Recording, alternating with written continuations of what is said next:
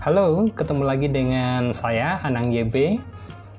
Nah, kali ini kita mau bahas tentang jurnalistik.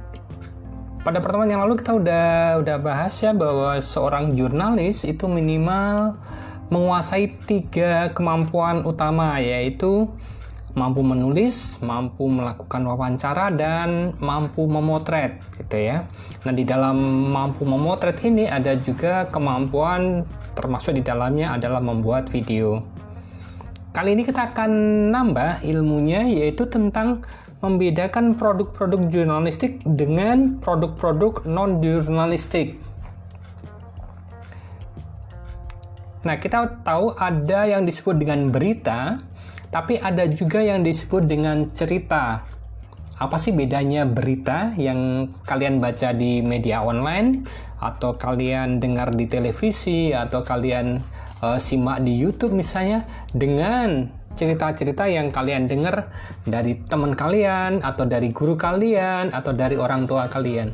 Ya, apa beda dari berita dan cerita?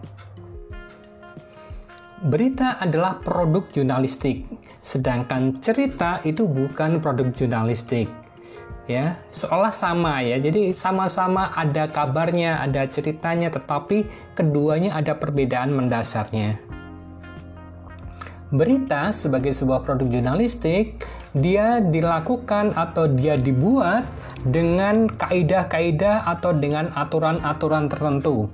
Itu yang pertama. Kemudian yang kedua adalah berita sebagai produk jurnalistik dia juga harus dilakukan dengan etika-etika tertentu.